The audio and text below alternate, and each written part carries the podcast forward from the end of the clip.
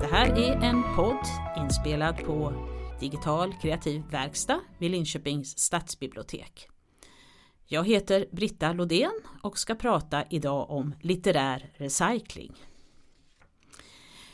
Jag har alltid haft ett stort intresse för litterär recycling. Därför blev jag också väldigt full i skratt häromåret när David Lagerkrans gav ut sina böcker som en fortsättning på Millennienserien. Det skapade ju nästan moralpanik. Folk sa, ja men det gör han bara för pengar. Kan han inte tänka ut någonting själv? Vilken gravplundring. Det visade sig att folk var väldigt okunniga om litteraturhistorien. Litterär recycling är verkligen ingenting nytt. Ibland så säger man ju att det räcker att ha läst Bibeln, Odysséen och Iliaden, då har man ju läst allting. Där finns ju kärlek, åtrå, svartsjuka, avundsjuka, krig, fred, försoning. Ja, allting finns ju med där. Men eh, det här programmet ska väl handla om eh, mer uttalat återbruk inom litteraturen. Det finns ju så många olika typer av litterär recycling. Man kan skriva en fortsättning av en känd bok. Man kan byta huvudperson, låta en biperson plötsligt ha huvudrollen eller lägga ut eh, texten på helt annat sätt att bipersonen får uppleva något helt annat. Man kan byta genre, tid, plats. Man kan låta författarna dyka upp i böckerna. Men det krävs ju naturligtvis att det är kända böcker så folk ska verkligen förstå alla anspelningar. I den anglosaxiska världen så använder man sig väldigt mycket av litterär recycling. Särskilt eh, när man har sina litterära giganter som systrarna Bronte, Jane Austen, William Shakespeare. Och en av de första böckerna jag läste på det här ämnet var Sargassohavet av Jean Rys. Eller som den kallas i den första svenska översättningen, Den första hustrun. Och den första hustrun, det var ju förstås Mr Rochester i Jane Eyre vi är många, man har läst Jane Eyre om den bleka, blyga guvernanten som förälskade sig i Mr Rochester som, som sorgsen bar på många hemligheter. Men vad det var för hemlighet, det förstod hon ju inte först ut för hon stod framför altaret och när de skulle gifta sig och det kom två män som sa att det går inte, Mr Rochester är redan gift, hans hustru är inspärrad på vinden. Och i Jean Rys bok så får man istället följa den här första hustrun. Hur kom det sig att hon blev galen?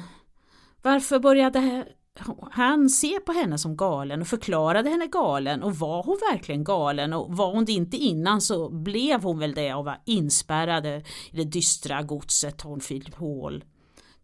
The Mad Woman in the Attic har ju också använts av litteraturvetarna Susan Gubar och Sandra Gilbert och menat i deras avhandling att det representerar kvinnlig viktoriansk lidelse som aldrig fick utlopp, det här med den galna kvinnan på vinden. I den anglosaxiska litteraturen så finns det många anspelningar på Jane Eyre. En del är bara blinkningar men eh, det finns också eh, till exempel en väldigt humoristisk bok, Var är Jane Eyre? av Jasper Ford där han låter litteraturkriminalaren Torstad Desta försöka hitta den som har kidnappat Jane Eyre ur boken. Det är mycket brittisk humor och många litterära figurer som dyker upp i den boken. Två svenska författare som har använt sig av de berömda systrarna Brontë är till exempel Margareta Lindholm i Emelies porträtt. Det är en väldigt vacker bok. Erin kommer som tjänsteflicka till den berömda prästgården och hon ser hur syskonen alla lever för sitt skrivande. Och det förlöser någonting inom henne själv och hon börjar måla och speciellt god vän blir hon med Emily Brontë. Och en annan svensk författare Eh, Eva-Maria Liffner. Hon har ju skrivit flera böcker med litterär recycling. Och i boken Blåst så använder hon syskonen Bronti. Och där leker de och fantiserar och diktar om sitt fantasilandskap Gandalf. Och det är ju en känd sak att de lekte Gandalf men det blev ju ingen av dem som använde det i någon av sina böcker sen. Det kanske var tanken, men de dog ju alla unga. Men i den här boken Blåst, som är ju en blinkning till den första översättningen i, i Svindlande höjder kallades ju Blåst den första. Och eh, här tänker man sig att det finns ett manuskript eh, om Gandalf. Är det Emily som ju bara han producera en enda bok, Svindlande höjder. Man har ju ibland spekulerat att det fanns ett halvt manuskript men eh, det har ju aldrig hittats. Eller är det brodern som förmodligen också var lika litterärt begåvad som sina systrar men som ju söp bort sitt korta liv. Och det är flera författare och litterära gestalter som dyker upp i Blåst. Och det hoppar mellan tidsåldrarna. Det är både 1800-tal och 1900-tal och nutid och, och allting. Så det är en bok som är, händer väldigt mycket i.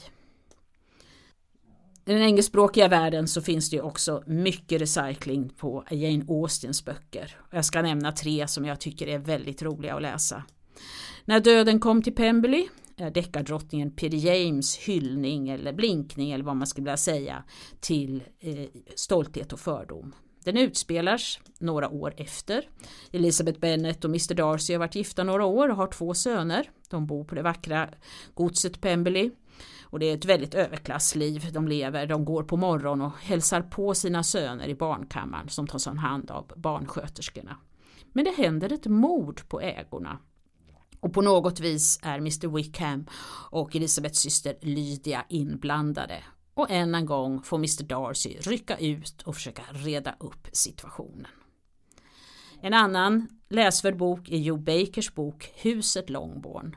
Longborn var ju familjen Bennets hem och det måste ju ha funnits tjänare där. För även om de inte var direkt rika så var ju ändå flickorna Bennet uppfostrade till att brodera och spela piano, gå på bjudningar och försöka gifta sig för att trygga sin försörjning. Så var det ju. Och det måste ju ha funnits tjänare som tvättade och lagade mat och städade där, även om de är väldigt osynliga i ursprungsboken. Men här är det deras berättelse och det händer väl så mycket dramatik bland tjänarna. Och samtidigt så pågår stolthet och fördom. Mr Collins kommer och friar till Elisabeth men han, när han får nej gifter sig med hennes bästa vän. Och Mr Bingley och Mr Darcy kommer och hälsar på. Tjänarna tittar ut genom fönstret och undrar hur ska det här sluta? En annan rolig bok är Curtis Sittenfield som har skrivit Sanning och skvaller där hon har hela handlingen i Stolthet och fördom har blivit en amerikansk dokusåpa.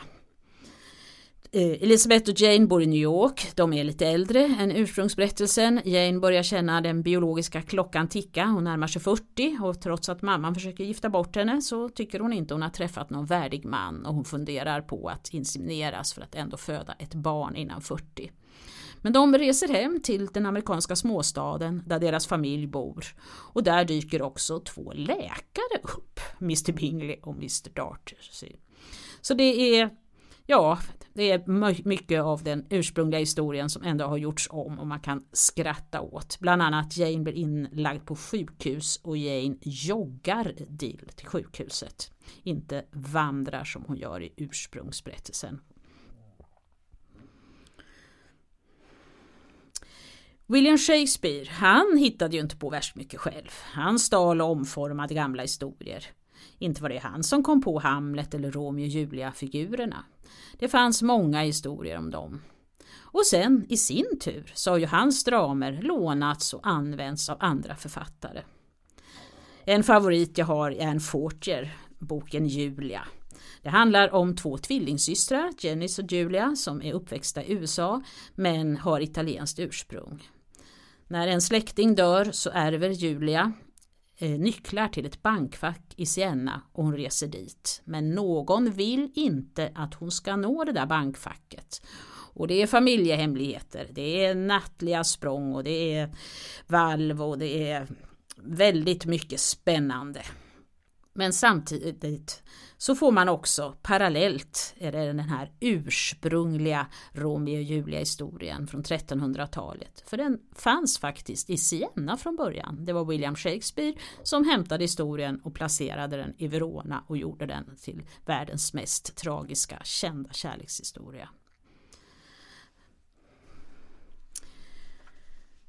Hogarth Shakespeare var ett projekt som började 2013 och eh, har gett ut en 7-8 böcker. De bjöd in kända författare att skriva om Shakespeares dramer i modern tid och i prosa istället för drama.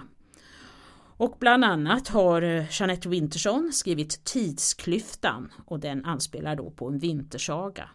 Ann Tyler har skrivit om Så tuktas en arbiga och den kallar hon Honung och ättika och den utspelar sig i Baltimore som Ann Tylers flesta andra böcker. Förra året gjorde man ett liknande samnordiskt projekt om Ibsens dramer. När jag ser Ibsens dramer så blir jag alltid lite förvånad hur radikal och nytänkande han var för sin tid. Och de här tre böckerna som har kommit det är eh, Claes Östergren som har skrivit Hilde och det är ju en figur som uppträder både i Frun från havet och byggmästare Solnes. Och det är Vigis Hjort har skrivit om Hedda Gabler men där har hon gjort henne, henne till en man och boken heter Henrik.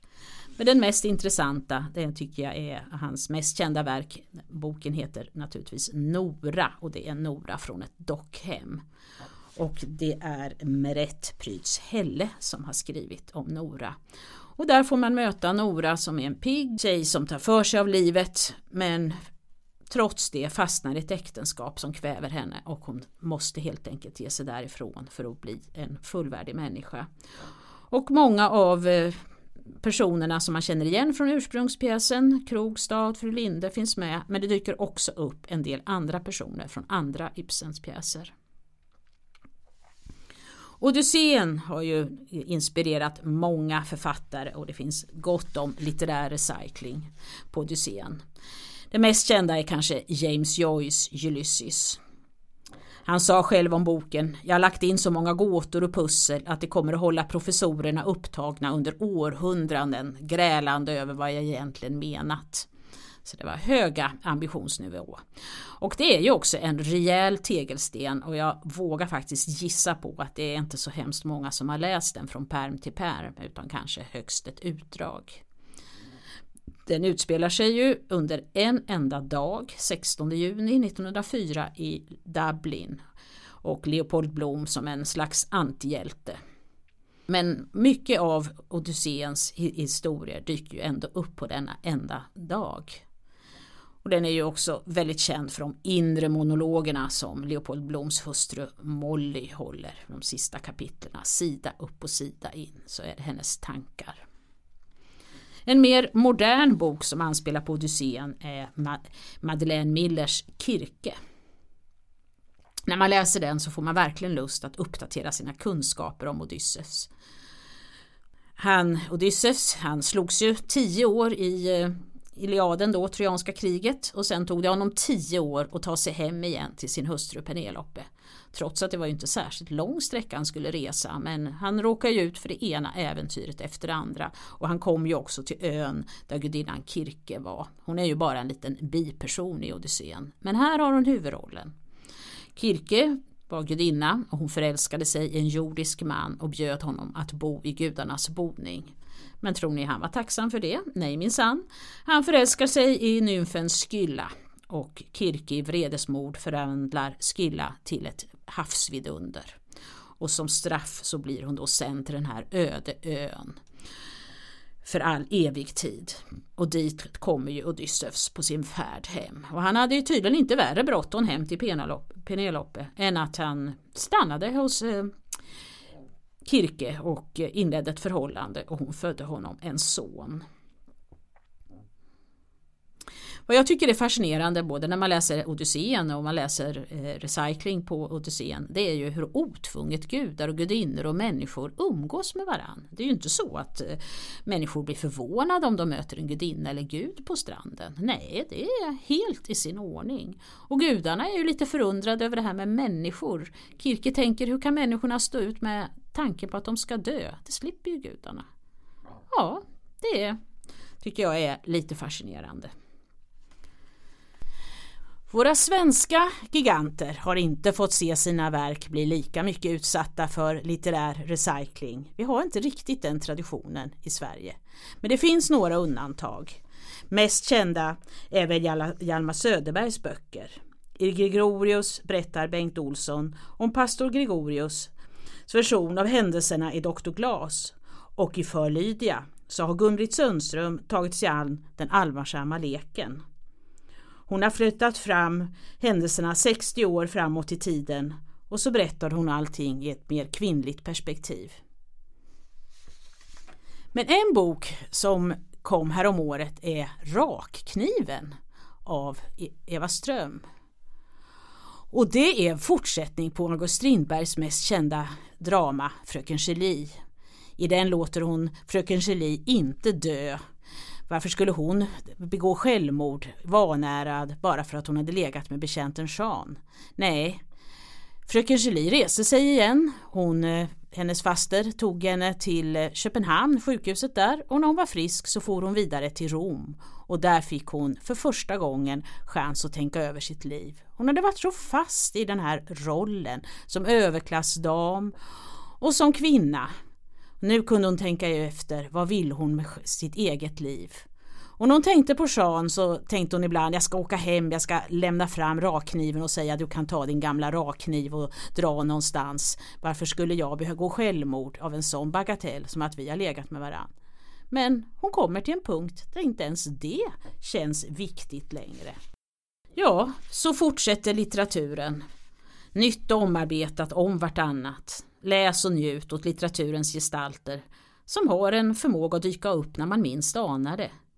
Ibland är det bara en liten blinkning och ibland är det mer utsagt.